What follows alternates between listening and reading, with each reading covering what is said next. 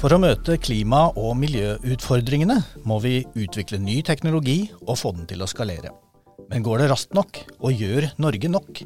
Til å diskutere dette har vi invitert lederen for miljøstiftelsen Zero, teknologioptimisten eller entusiasten Sigrun Aasland, til å være gjest i Innopodden.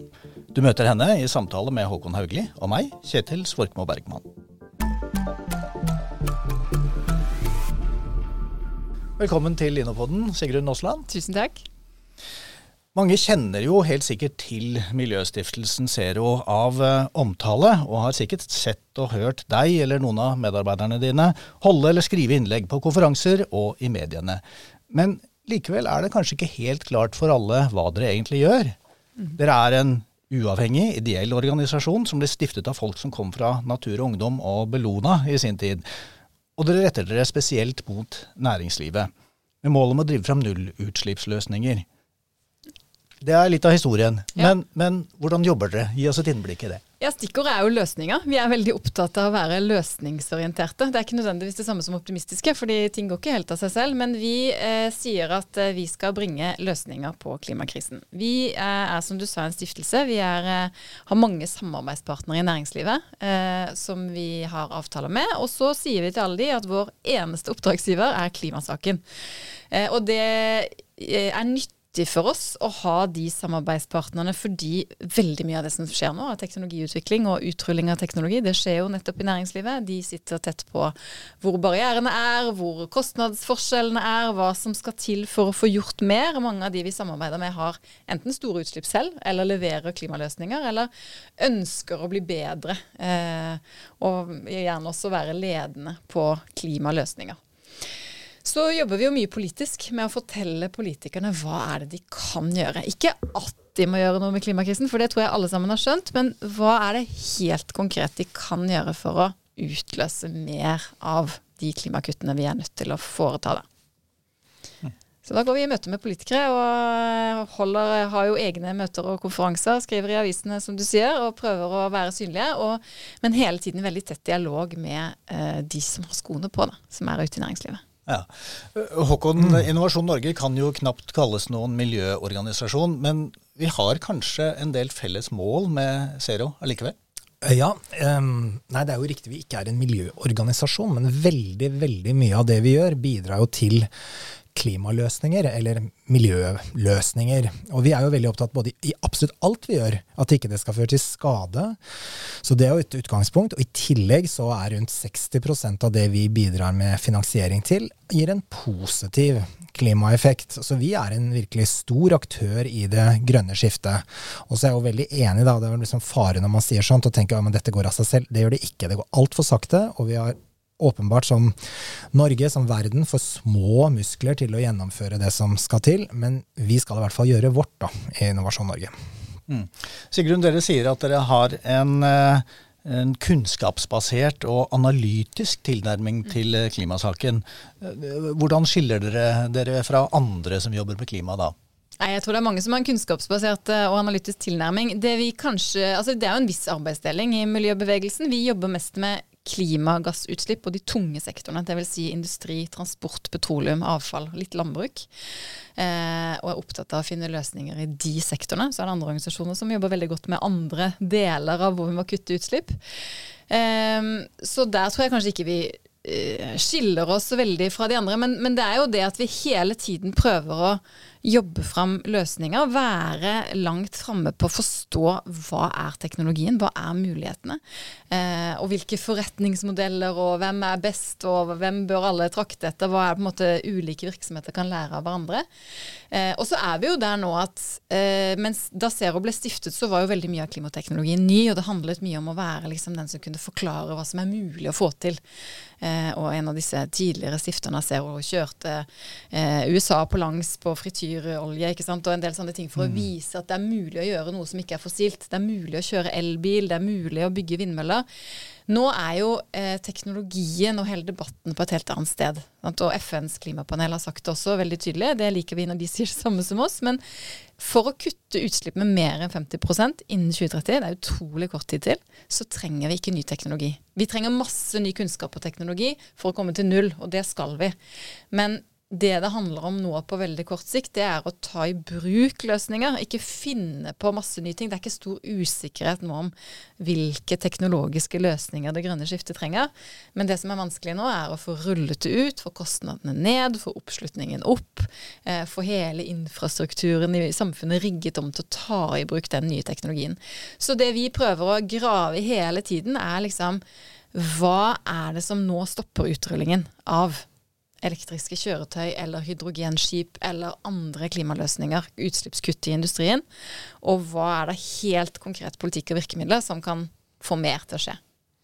Altså Dette er så viktig, det du sier nå. Um, dette med skalering, da, som vi, det ordet vi bruker om det. det, det handler ikke om å eh, finne på da, en ny løsning, eller utvikle, som et ord som uh, ofte brukes, men å få gode forretningsmodeller på plass som gjør at teknologi som allerede finnes, tas i bruk bredt. Og vi har veldig hast. Det handler ikke om noen få løsninger. Det er mange løsninger på mange ulike områder som må skaleres opp. Og her har vi en rolle som en del av virkemiddelapparatet å sørge for at det er risikoavlasting tilgjengelig for de som i hvert fall i en tidlig fase gjør dette.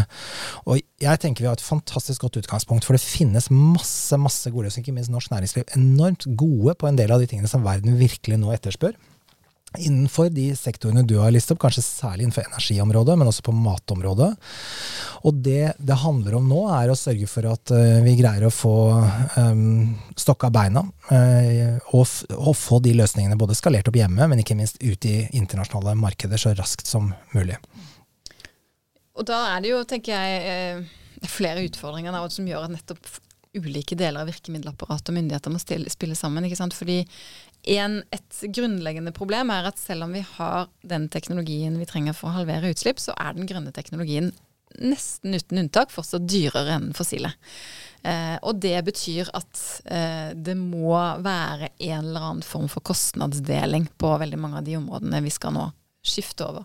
Og så er det jo infrastruktur som må på plass. ikke sant? Skal du eh, bytte flytte hele transportsektoren, lastebiler og gravemaskiner, og ikke bare personbiler, over på i all hovedsak el, eh, så trengs en helt annen ladeinfrastruktur. Og det er også et kollektivt gode som vi i fellesskap må ta ansvar for.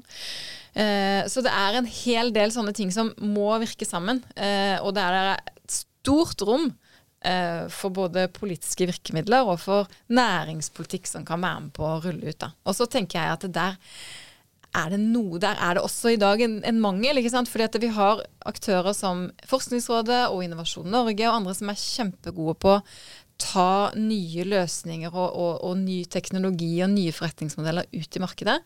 Eh, men vi har veldig lite virkemidler for å rulle det ut i stor skala. Eh, og der snakkes det jo nå om Vi snakker i hvert fall mye om det vi kaller for differansekontrakter. ikke sant? Kan frem mot at CO2-prisen eller kvoteprisen blir så høy, for den kommer jo til å øke, at det lønner seg å velge det grønne. Eh, går det an å få til en eller annen avtale der hvor staten tar en del av det mellomlegget, eh, og dermed gir mer forutsigbarhet? For vi vet jo at det, liksom, det er de grønne løsningene som skal på plass. Vi skal dit, men det går for sakte.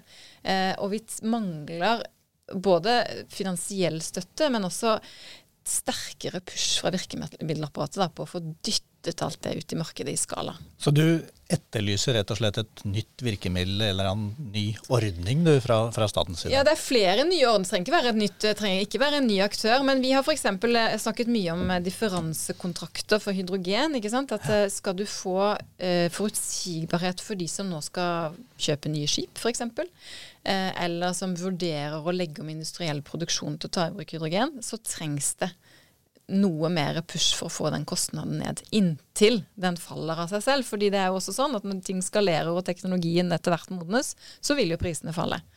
Eh, vi trenger eh, I industrien i Norge har vi jo vi har mye har et par store punktutslipp som står for veldig mye av norske utslipp.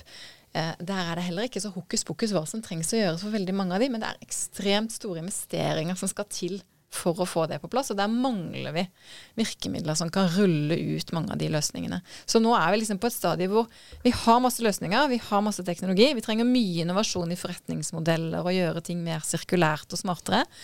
Eh, men det vi også trenger hvis vi skal klare de målene vi har satt oss for 2030, det er jo å rulle ut elektrifisering av transportsektoren og i industrien og bruk av biokull og en masse løsninger som finnes, men de er for dyre. Er du klart å ta på deg oppgaven, Håkon?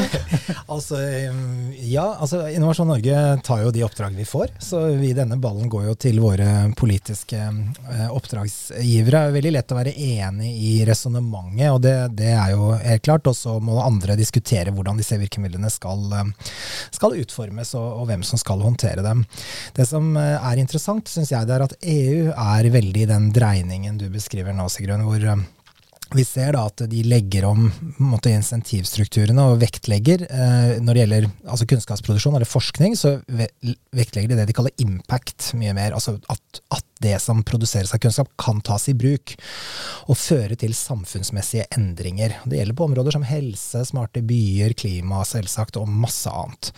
I tillegg så har de etablert egne programmer for det vi kan kalle innovasjon. Altså Horisont Europa, da, som er verdens største forsknings- og innovasjonsprogram, er jo å ha en dreining i retning innovasjon. Altså man mer på hvordan få løsninger til å skalere, og en mer robust verktøykasse for det. Og dette er jo Norge med på.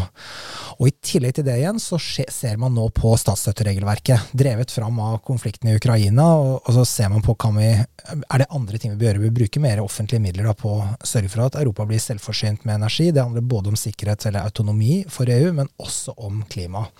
Så litt sånn, litt sånn tankekorset nå, da, syns jeg, og det kan vi jo bruke bitte litt, i hvert fall et sekund på det, det er jo at um, situasjonen Europa er i nå, både akselererer det grønne skiftet det går raskere. Eh, fordi mange land av egeninteresse investerer tungt i f.eks. havvind. Samtidig så er den samme krisen gjør at kullkraftverk og atomkraftverk eh, tas i bruk igjen. Så vi ser liksom både måte, gassen og bremsen ganske godt tråkket ned på en gang, fordi begge er uttrykk for en mangel på stabile energileveranser, som man i stor grad har fått fra Russland. Så det er veldig viktig da, for Norge med vår vårt fantastiske, jeg vil si verdens beste utgangspunkt på energiområdet. Vi er en stormakt innenfor olje og gass, vi er en stormakt innenfor vannkraft, vi kan sol, vi kan vindkraft, vi kan bølgekraft, og vi kan ikke minst systemene som syr alt dette sammen, vil jeg hevde bedre enn noen andre. Dette trenger verden nå. Dette trenger EU nå. Og vi, hvis vi kjenner vår besøkelsestid, og så tenker jeg ikke bare isolert seg som eksport, men som å bringe ut de løsningene verden trenger, så er det store muligheter nå. Og så må vi se på insentivstrukturene for at ting skalerer både i Norge, men at vi faktisk får dette til. Da. Og det haster jo, som Sigrun har sagt flere ganger. 2030. Det virket jo veldig langt unna, da, 2030. Mm. Men nå virker det ikke så veldig langt unna. Nå er det 6,5 år igjen. Tenk på det. 6,5 år. Og det er, helt, det er utrolig spennende ting som skjer i EU nå. og i stor grad ikke sant, som en respons på krisen, og gasskrisen særlig, da, etter krigen i Ukraina, eh, som har akselerert hele det grønne skiftet. Det var jo allerede godt i gang i EU, og de har jo ligget foran oss en god stund allerede. Men der skjer det altså nå enormt mye på energieffektivisering og på utbygging av fornybar energi. Eh, og hele den eh, grønne pakken som ble vedtatt i EU nå eh, før jul, og, og, som parlamentet nylig på en måte salderte. Det er ekstremt progressiv og inngripende klimapolitikk, og ganske mange reguleringer som alle næringsbygg skal ha sol på taket innen 2027. Altså det er en del sånne ting som er ganske heftig og, og radikalt, og kjempeviktig. Og så tenker jeg at da kunne man jo tenke at da går det sikkert bra, fordi vi må jo følge dette, vi i Norge også. Men det er det ene er jo at vi ofte er litt trege med å følge det som skjer i EU. Og det andre er at virkemidlene er jo fortsatt nasjonale. Så man løser opp i statsstøtteregelverket. Men de landene som har fått på plass karbondifferansekontrakter eller virkemidler for å rulle ut grønn teknologi, det har de jo gjort nasjonalt, og det må vi gjøre i Norge også. Og så har vi jo den tilleggsutfordringen i Norge at vi på en måte, vi sitter jo på andre siden av denne gasskrisen. Eh, og jeg, og jeg tror alle i miljøbevegelsen og alle på partiene på Stortinget skjønner at selvfølgelig må Norge selge gass til Europa i 2022 og 2023, og akkurat nå når det står på som verst. Men det gir oss jo en enorm tilleggsutfordring i å omstille vår økonomi. fordi mens altså hele verden i 2022 for første gang så tangerte fornybarinvesteringer de fossile energiinvesteringene, men i Norge så skjedde det motsatte. Her mm. har vi bare gasset på, bokstavelig talt, med olje og gass. Og det kan du mene mye om, men det er to bekymringer jeg har om det. Og det ene er jo at EU har jo sagt veldig tydelig at de vil ikke ha den gassen om veldig få år. Så hvis EU lykkes med sin klimapolitikk, så er markedet for mye av den gassen borte. Eh, og det andre er jo at vi bruker eh, vår aller beste kompetanse og veldig mye av vår kapital inn i olje og gass, som vi kanskje burde brukt i andre områder som vi vet at det er mer langsiktige investeringer. Ja, nettopp. Ser du på det som et hva skal vi si, tilbakeslag for Norge, at vi gjør det? Ja, det er, jo, det er jo på en måte det vi alltid har gjort. da. Eh, og vi ser jo har alltid vært veldig opptatt av å jobbe mer for det vi er for enn mot det vi er mot, for å si det litt banalt. Det eh, er viktigere at vi får opp farten på utrulling av klimateknologi og på en måte etterspørselssiden av fornybar energi. Eh, men, men, nå ser vi jo at fordi arbeidskraft er så knapp eh, og kapital er så dyrt, så er det høye utvinningstempoet på norsk sokkel et problem. Det er jo et problem for kraftforsyning, det er et problem for arbeidskrafttilgang. Det, er, det suger jo ut av veldig mye vi kunne gjort i stedet. Så vi eh, Ingen liker jo endring, og det er vanskelig å omstille seg til å gjøre noe helt nytt. Men det er klart at den utfordringen har jo blitt enda litt forsterket nå de siste årene. Og at det har vært så viktig at vi leverer mye gass. Og så det er blitt brukt som et argument for at da må vi lete etter enda mer. Som vi skal utvinne da om mange år, når markedet for den gassen er ganske usikker. Mm. Altså, vår oppgave i dette som Innovasjon Norge er å bidra til et mer mangfoldig næringsliv. og vi er jo heller ikke, Det er ikke vår rolle å mene noe om når og om norsk olje- og gasseksport eh, skal fases ut, men vi vet at det er en næring på oppsigelse. Og Det betyr at på et eller annet tidspunkt så vil den ikke ha samme kraft som den har nå. Og da må vi som samfunn jobbe med å utvikle et mer altså differensiert både eh, hjemlig næringsliv og eksportnæringslivet. Vi er avhengig av de eksportinntektene. Og jeg er urolig akkurat som deg for at det eh, bremses ned, og at den store omstillingen vi har visst veldig lenge at norsk økonomi også må gjennom, den skyver vi bare foran oss. Vi blir faktisk mer avhengig av disse etablerte store eksportnæringene, ikke mindre avhengig av dem. Og hva er det disse nye bedriftene, nye vekstbedriftene trenger? Jo, de trenger i hvert fall tre ting. De trenger kapital for å vokse. De trenger kompetanse, eller folk som kan gjøre jobben. Og de trenger kunder som kjøper deres varer og tjenester. På alle tre områder går det an å gjøre noe. Vi kan stimulere etterspørsel gjennom offentlige anskaffelser, gjennom eksportfremme og annet. Vi kan jobbe systematisk på kompetanse. En stor andel av Norges befolkning står utenfor arbeidslivet. Det går det an å gjøre noe med. Og ikke minst, det går an å stimulere gjennom aktører som også andre, på kapitalsiden for å risikoavlaste kapital, sånn at den finner veien til det vi vet vi skal leve av i et lengre perspektiv. Så jeg er sånn betinget optimist, vil jeg si. Jeg syns også det er alarmerende at vi nå på en måte rygger litt, da. Uh, og samtidig helt åpenbart for meg at vi må selge gass til uh, Europa i krise. Men vi må ikke glemme den andre viktige jobben, som handler om å uh, sørge for et livskraftig næringsliv, som må være grønt uh, framover. Og den, det haster. En ting som er, for Vi skal jo ikke være for pessimistiske. Det er en ting som har skjedd det siste halvåret som er veldig bra. og Det er jo eierskapsmeldingen som regjeringen kom med i fjor, og som altså sier at alle statlig eide virksomheter skal ha troverdige netto nullmål. Eh, og det betyr jo at de alle sammen må ta ansvar ikke bare for egne utslipp eh, og hvordan de skal komme til null, men hele verdikjeden og alt det de kjøper inn.